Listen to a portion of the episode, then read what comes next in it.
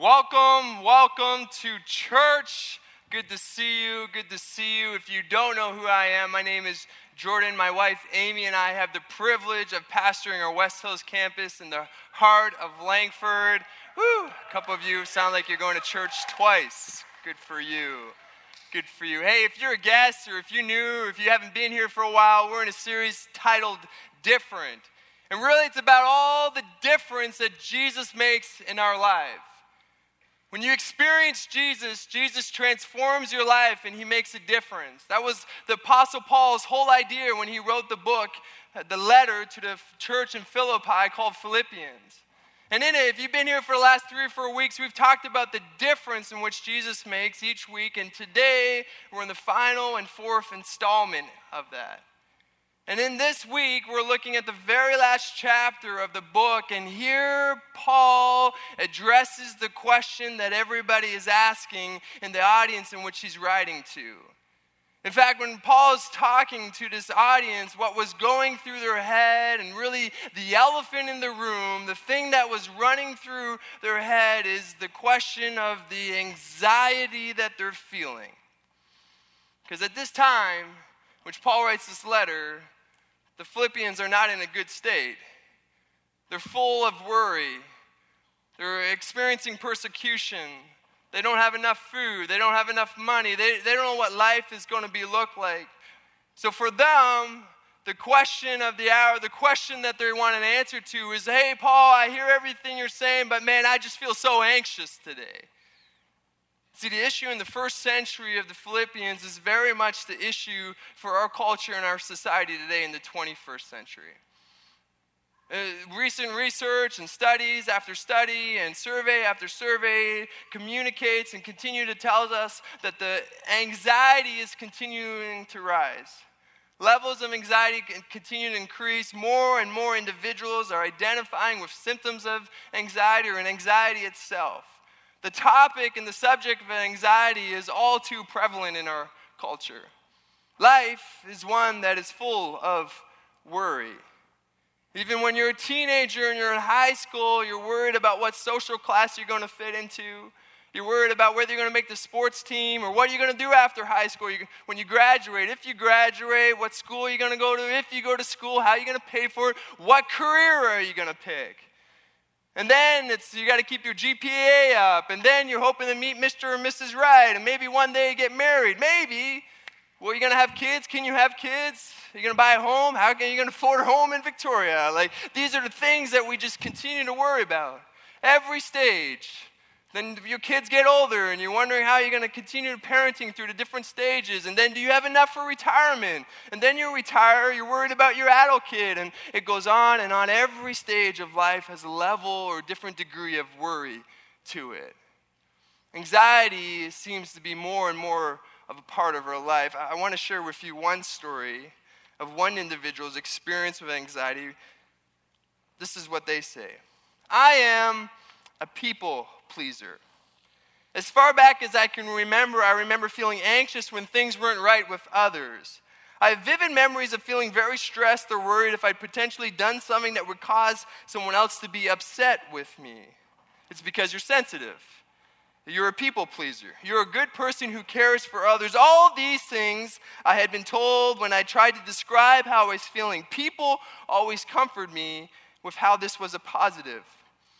Perhaps this is why it took me so long to report an abusive situation at work. The word anxious was, not, was in my vocabulary, but the idea of struggling with anxiety had never fully crossed my mind. You I've never experienced a panic attack. You know that feeling of an elephant sitting on your chest? Therefore, I thought this isn't anxiety. This is caring too much. This is wanting to do a good job. This is taking responsibility until this situation rapidly disintegrated. My weekends weren't restful. They were full of feelings of fear, like the nausea, nervous butterflies you get before a job interview or bungee jumping. Just try and sleep when you've got those feelings swirling around in your mind like white water rapids. Conversations were dulled. It was like I couldn't clearly hear over the roar of fear and anxiety in my mind. Would they be mad on Monday? Did I forget something? What if they asked me something and I misunderstood? I would spin my tires all weekend. I wasn't fully present. I was locked in my mind. I was one place, but my mind was always running like a hamster on a wheel in a completely different place. The war would rage on in my mind. I could find a moments of peace from my anxious thoughts. I couldn't find a moments of peace from my anxious thoughts. I prayed. I cried. I listened to worship music. I should be able to get this under control, yet I could not. And I could not fully describe the stress I constantly felt. I was trapped in my own mind. The day I realized I was struggling with anxiety was a day I vividly remember wishing I could escape. Not escape my office, my superior. I wanted to escape my body, my brain. I was tired. The story of anxiety is a story that probably many of us in this room have experienced to some degree or another. Anxiety really is this inner turmoil that we feel that affects us psychologically and physiologically. Anxiety is all too present today for many of us. But a couple disclaimers before I go any further about the subject of anxiety. The first one is I'm not a counselor, I'm not a doctor, I'm not an expert on the subject, I'm a pastor.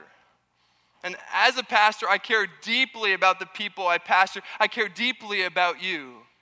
And I've just been in way too many conversations with individuals who have communicated the debilitating effects of anxiety in their life. In fact, this past month, I had a meeting with an individual and I got stood up.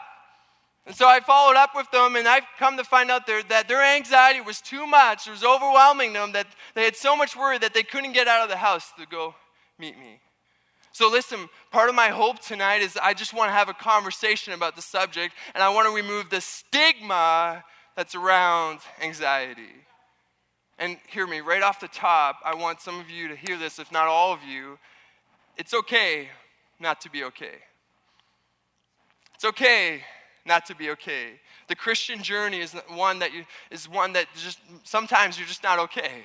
Sometimes things are not the way you hope them to be. And listen, the first, very, very first step for us to finding healing, for us talking about, is acknowledging and having a conversation and bringing it into the light, saying, Listen, I'm just not okay. I sit down with individuals and they, they start to tell me how their life is going and they start backtracking and tell me what I think they think I want to hear. And I, I stop them and I say, you know, it's okay not to be okay. It's okay if things are not the way you want them to be. The conversation is a needed one, and I get church culture, and I get we come here and we sing songs about Jesus, and sometimes we put our best foot forward. But listen, where else but church should be a place that we should be honest and transparent and to be true to what's really going on. So, with that all being said, I want to talk about Paul's words around the topic of anxiety in chapter 4 of Philippians. Now remember, Paul was the church planner, the writer, the great leader, the great figure of the New Testament church. And his dream, oh, what he wanted to do more than anything else is he wanted to get to Rome and preach the gospel. He wanted to get to Rome and tell others about Jesus. And instead, he's in Rome in prison. And he's probably facing most certain death. And so, Paul, in this prison. And Paul, in this moment, in this context, uh, man, he concludes his letter by explaining the difference that Jesus makes. If you've been here the last three weeks, you would have heard themes of this show up over and over again. But Paul seemed to arrive to a conclusion. Paul seemed to have this perspective, this instinct. Paul seemed to have this view on life that is not a common view. See, Paul explained and Paul demonstrated through his writing and through his life the difference that Jesus makes is that you're able to have this inner peace in the midst of the outer chaos of life. You're able to experience this peace in your life, even though, despite the turmoil and the chaos of your life, Paul's life was in chaos when he wrote this letter. But yet, he seems to be a person full, full of peace. So, that being said, What difference is how we address anxiety. Paul sets up for us a difference that we address anxiety. Let's look at it together in Philippians 4, verse 6. Do not be anxious about anything, but in every situation, by prayer and petition with thanksgiving, present your requests to God. Paul's great advice to us is do not be anxious. Is that even possible? Like, I mean, if to be human is to have some sense of worry at some points of our life, right? But Paul's his, his advice for us is hey, do not be anxious. Don't worry about it. At face value, Paul's advice or Paul's instruction for us doesn't seem to be that helpful. Paul's totally a dude, right? He's a guy. Ah, just don't worry about it be all right. When Amy and I first started, when we first were married, and she would communicate some uh, stress she was going through, or even maybe anxiety, I'd listen, I, I sip my tea, and when she was done, I would just tell her, Don't worry about it. You don't need to worry about that. Such great advice. But Paul says, hey, don't, don't worry about it. Just, just, just pray about it. it. It's going to be fine. And listen, all joking aside, can I be honest for a moment? For some of us, we've had the same advice from well meaning Christians. We've been vulnerable, we've been transparent, we've talked about the, the feelings we have, the numbness we have, the inability to act or to do because of the great worry and anxiety we feel. And someone's response is, oh, just don't worry about it. Just, just pray about it. Just have some more faith. You, you'll get through it. And it's left us feeling inadequate. It's left us feeling like there, there, there's got to be more than this. And so, listen, before we even look at Paul's formula for how we address anxiety, I just want to take a note and I just want to, I want to preface something that I think is really important to this. And that is emotional pain emotional pain, there is little difference with emotional pain to physical pain. There's a little difference between emotional pain to physical pain. Let me give you an illustration to explain what I mean. A couple years ago, uh, I was in the middle of renovating uh, my basement suite in my house, and we had a couple friends over uh, who just were visiting, and I, I had this smart idea that I was going to drill a screw into the foundation of my house with a little, like, IKEA drill. So I'm just like giving her because everyone's looking at me and I'm like a professional and I just was going so hard and then it slipped and the drill hit my hand, my fingernail, and like cut it right in half. And I don't do well with these things, so I like went into shock, I think. Luckily, she was a nurse, our friend that was there, but like I got dizzy really fast and I like sat down and oh man, that really, really hurt.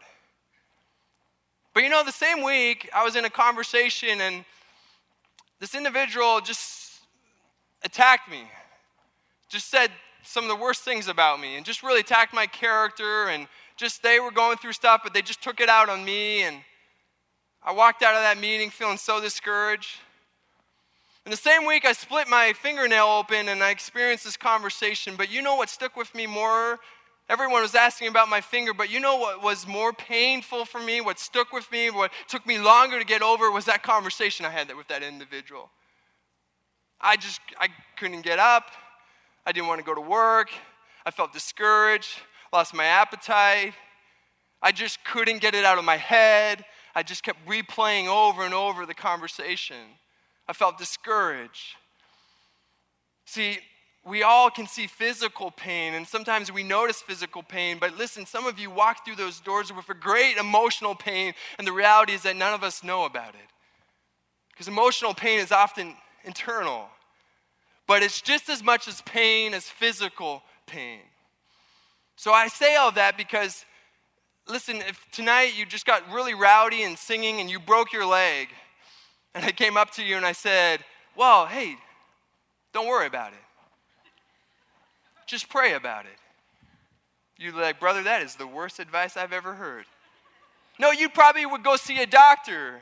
You would get x rays. Hopefully, they would give you something for the pain. And hear me tonight. Listen, if emotional pain is what you're feeling, if mentally and if you have great anxiety and worry, there's so many resources available to you. And maybe the best step for you to take tonight is to see a professional or a counselor or go to a doctor or get the help that you need. And listen, it's not a smaller view of God to reach outside of just prayer and just experience. The small view of God to think is that God can only work in this arena, God can only work in prayer, the supernatural. But the bigger view of God is one that God is part of everything. And God can work through doctors and counselors, and that every act is spiritual. Some of the most spiritual moments in my life has been sitting across from a counselor and communicating the deep emotional pain or whatever I'm processing. So it's, it's not to go see a counselor or to go get all the help that you need doesn't make you less of a Christian, doesn't mean that you don't have faith. It means that you prioritize your emotional health.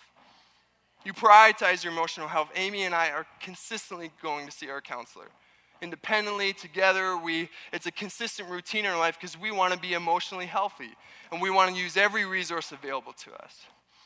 I have a friend who's just been going through a hard time, stressed out, not sleeping, break down into tears all the time. And every time I'm like, you should get help.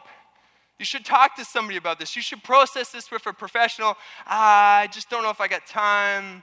Not sure if I got money for that. And I'm like, how much is your emotional health worth to you? If you had a broken leg, you wouldn't ask any questions. You'd go get it fixed. And we somehow, with our emotions, we just let them slide and we just say, ah, we'll get to it eventually.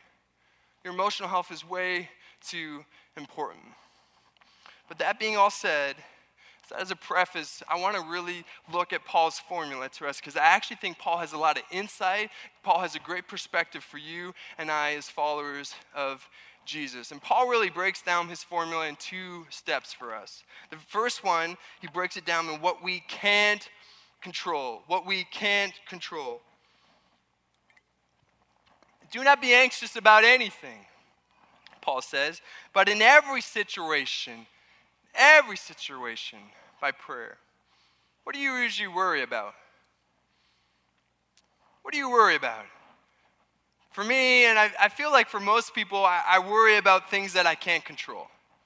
I worry about what has happened in the past. I worry about what might happen in the future.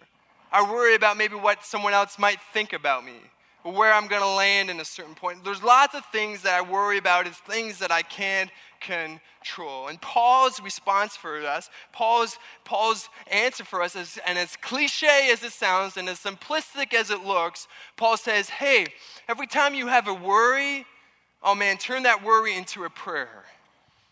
In other words, every time you feel an anxious thought come, instead of just letting that cycle begin, which we've all been there, right?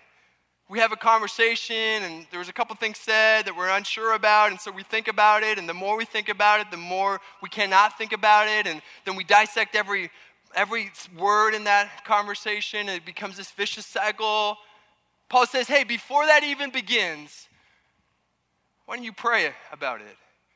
Paul says hey your first response should be prayer he's saying jesus created something on that cross, He gave us access to the Father and said, There's an opportunity for you. Why don't you begin your prayer? So every time a worry or an anxiety or something comes over you, Paul says, Hey, turn that worry into prayer. Rather than just thinking about it, why don't you begin to speak your worry into the form of a prayer? Give it to God. He says, everything and every situation oh, you're certain you're late for work, you're not sure if you're going to get there in time. Instead of just letting your mind run, just begin to speak that in a prayer. Oh, you're just not sure if you're going to get the GPA you need. Instead of just thinking about it all the time, just begin to speak your worry into the form of a prayer.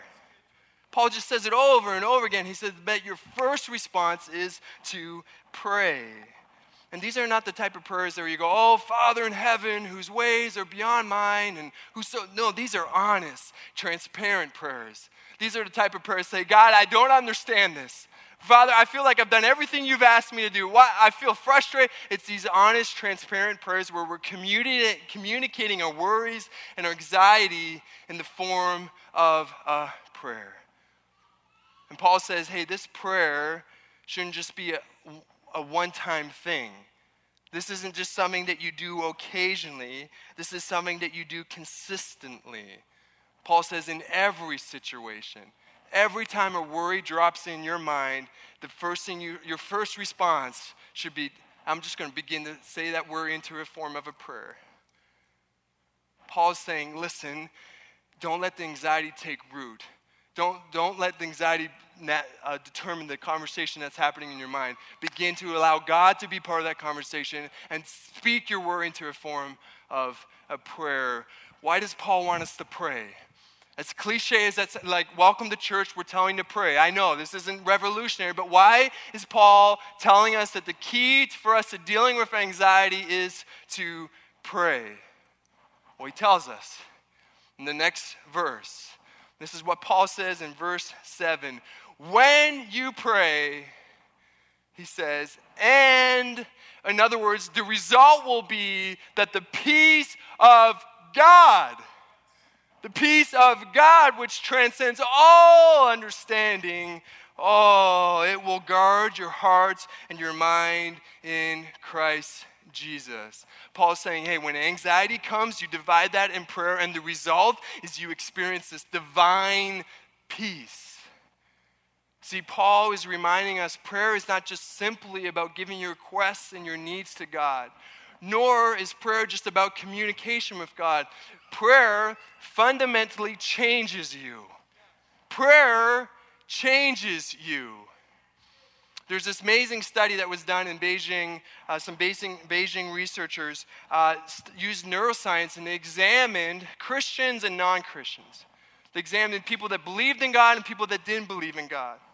And then they looked at which part of the brain did uh, the rest of society, non Christians, use to evaluate themselves.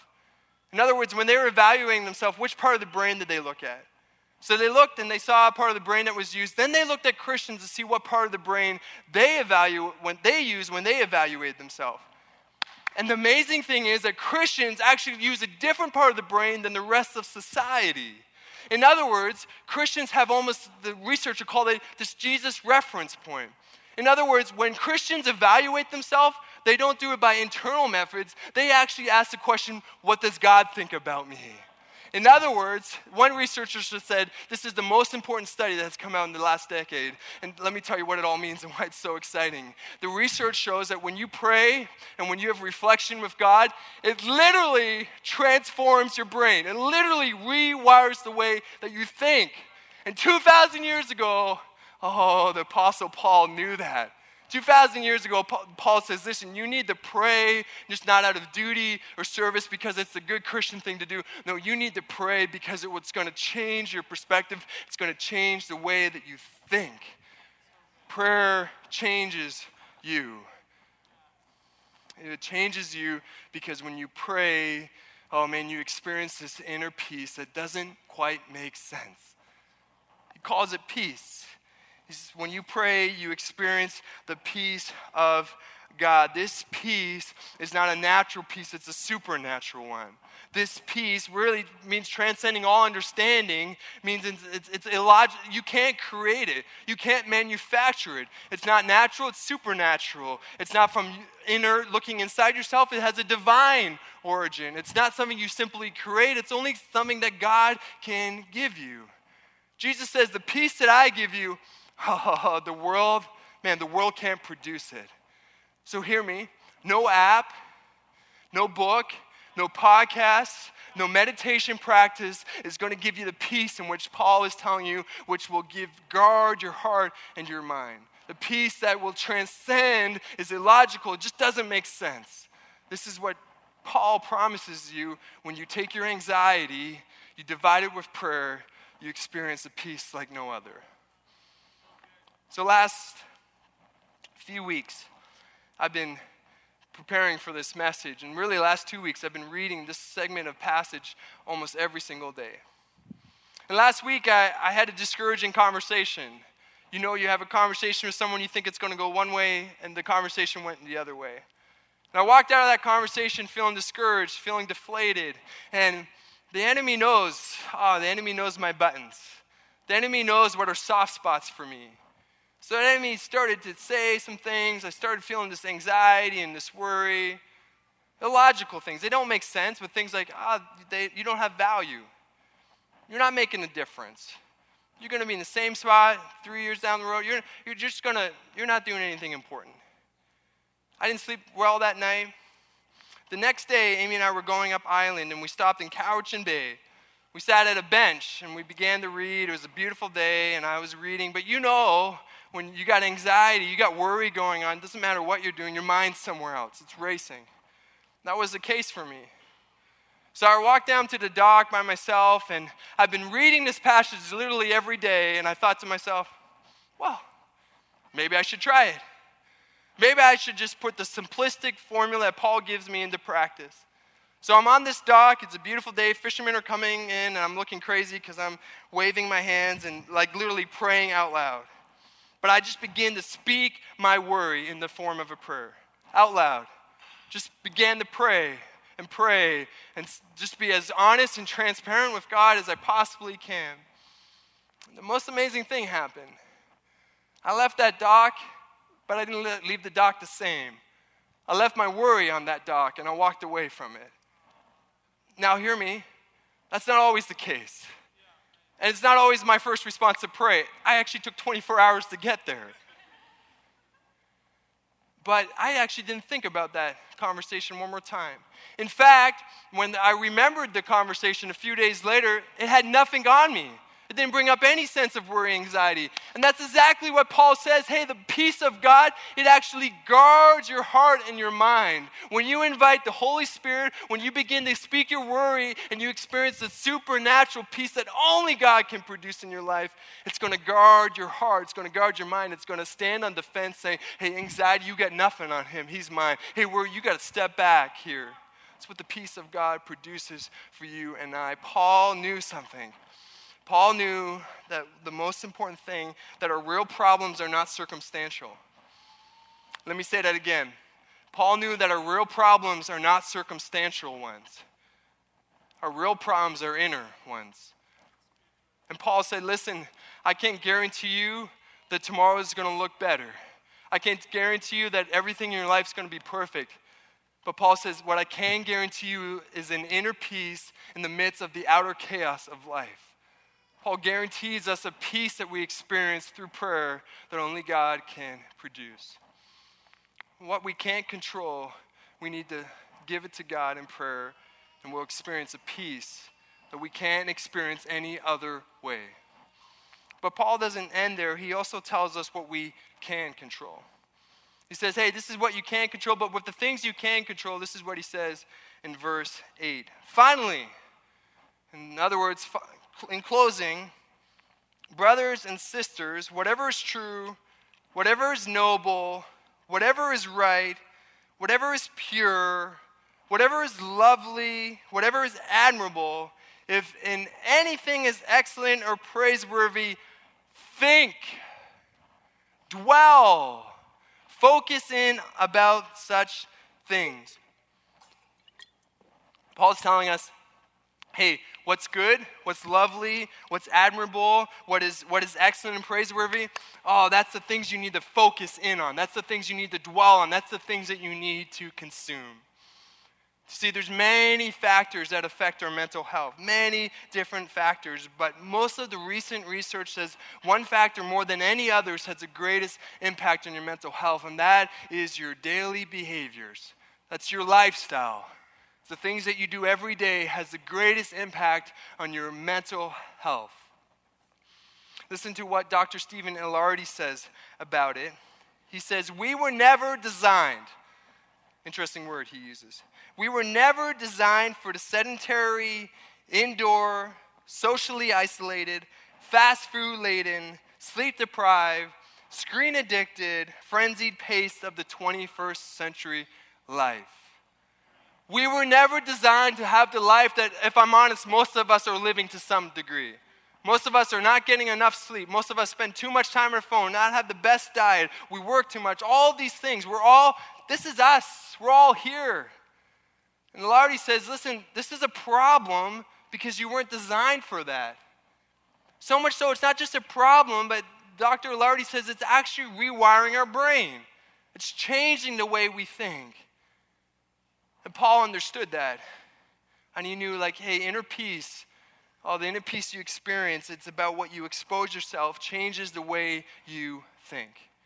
What you expose yourself changes the way you think. Today, in the 21st century, we live in an information rich and a meaning poor society. We have so much information. If I ask you any question, Google could give it to me in two seconds. We are more educated today than any other generation has been on the history of the world.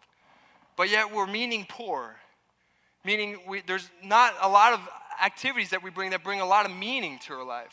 Many people are suffering with the lack of meaning or purpose. I know we talk a lot about, about church, and we continue to talk a lot about it because that's the society in which we live in is looking for meaning and things that bring meaning. So I've got a couple questions for you to really just finish up our time around what you're dwelling on and what are you consuming. When was the last time you went for a walk in the woods? And no, you weren't listening to a podcast or any music. You weren't even running to fulfill some, fulfill some fitness goal. And you didn't Instagram the event after it happened. Honestly, when was the last time you just went for a walk in the woods and you looked at the cloud formations? You looked at the trees and you just took some time to appreciate what was going on around you. Kids are great for this, by the way. They think the most insignificant things are the most significant ones. We'll be walking in a field, a field, and then she'll be like, Dad, look at this grass. I'll be like, grass everywhere. But no, Dad, look at this one. It's like it's like a unicorn, Dad. I don't see it, but sure, Finn, that looks like a unicorn. When's the last time you picked up the scriptures and you read them, not out of obligation or duty, out of assignment, but you read these words because you were desperate to hear what the living God wanted to speak into the soul of your life? Was the last time you just desperately wanted to hear what the, your Creator was speaking into your life? When was the last time you had a meaningful conversation with another individual? and you put your phones on silent and you took longer than 10 minutes and you asked deep questions and they ask deep questions of you. How are you sleeping? Are you getting enough of it? How much exercise are you having? What does your diet look like? If I went to a gym today, I won't because it's seven. Who works out at seven o'clock? But if I went to a gym today and I walked in I say, I want to see a personal trainer, and they, they're like, they always have personal trainers for you. Like, yeah, sure, this one's available. And I said, hey, I want to be the most fit person you've ever seen. I'll work out every day, twice a day. I'll do any fitness routine you want me to, but I want to eat whatever I want. They'll look at me and they'll really want my contract, so they'll tell me something nice, but they'll be honest. They'll say, hey, uh, you can't work out a bad diet. You, you can't work out a bad diet. In other words, it doesn't matter how much workout you do, if you have a bad diet, it just won't make a difference. Your diet is so important to you being physically healthy and meeting your fitness goals. The same is true about your emotional health. The same is true. Your emotional health is dependent on good thinking. Your emotional health is dependent on good thinking. What are you consuming? What are you dwelling on? Where are you spending your time? These things affect you. These things affect you. What you consume determines, predicts what your emotional health will look like. So, listen, if you spend a vast majority of your time on a screen watching Netflix or on different social media outlets or Instagram, it's going to have effect on your life.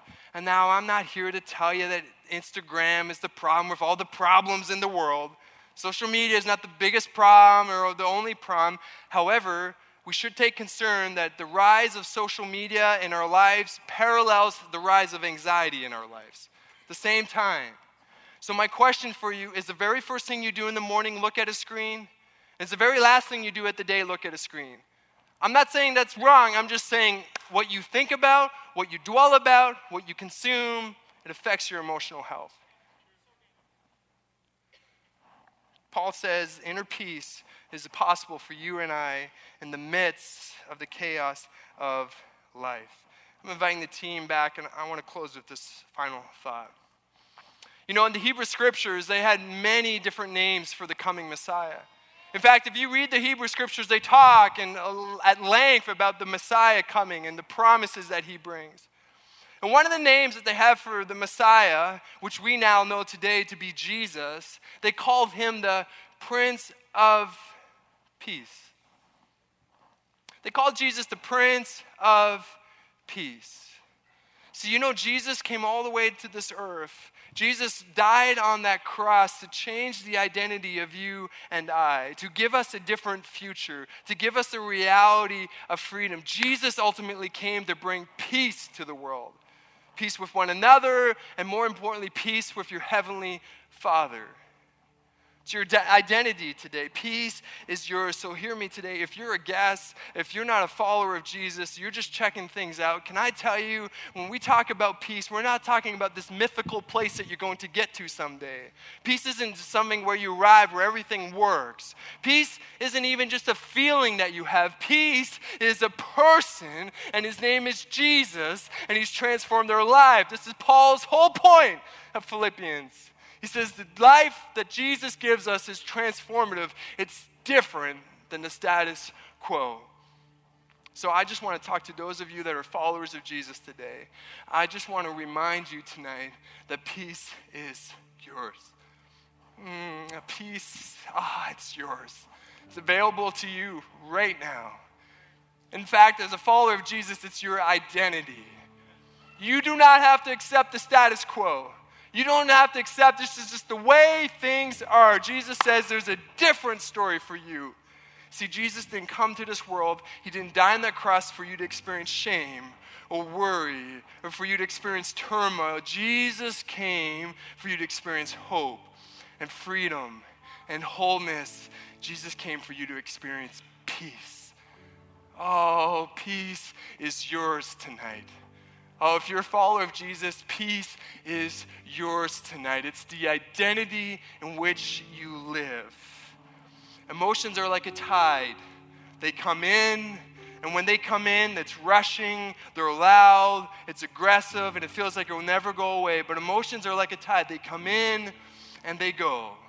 They come in and they go. So listen, the peace is available to you tonight. And listen, it might not happen tonight, you might not feel this great relief from your worry and your anxiety tonight. You might not even feel it this week or this month.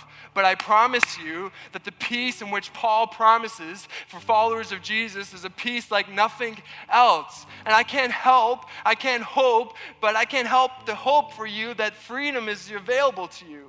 That you just don't have to live in this worry and this anxiety anymore. I can't hope but think that the best is yet to come, that tomorrow looks different, that you do not have to accept the bondage that's put on you with this worry because Jesus has called you to a different destiny. Jesus has paid the price for you to experience something else. This doesn't have to be your normal. Mm, this doesn't have to be your normal. There's an inner peace that's available to you tonight, and it can come as simply as beginning to speak your worry in the form of a prayer. Even right now in the chaos of life, Jesus offers us a difference, and that difference is inner peace. Could you stand with me tonight? I just want to pray over you, but listen, we got a few minutes left, and I just, before you go, what better application, but what a way for us to practically put into practice that model, the formula which Paul has for us. So we're going to sing one more song, but I invite you in this moment, don't just think about what you're going to eat tonight. Don't just think about when you're going to finish that paper, but take a couple moments and begin to speak your worry in the form of a prayer. Begin to ask God, the God of peace, to overwhelm you. Begin to ask the Holy Spirit to come and transform you because I believe God's got a new story for you tonight. I believe God can meet you right now in this moment. Oh man, I believe the peace of God can come over every single one of us us. So, Father, oh, Father, we pray for your peace tonight. God, I pray over every individual, may we experience the peace of God in a new, fresh way. God, I just pray against worry. I pray against anxiety. I pray against fear. I pray against whatever is holding people back tonight. Oh, God, I just believe that this is not the future for your children. I believe this is not the calling you have in their life. I believe that hope is available. And so, God, I just pray that people would get help, they would begin to have conversations about it. But even right now, in this moment, Father, may we begin to give words to our worry. May we turn our worry into a prayer. May we give you everything, God. May we, we uplift our worry and our fears and our anxiety, and may we trust in you tonight, Jesus. God, you want to do something. God, you want to change our life. You want to change our perspective. So we just ask for the peace of God to flow. May the peace of God to be so rich in this place. Come on, church.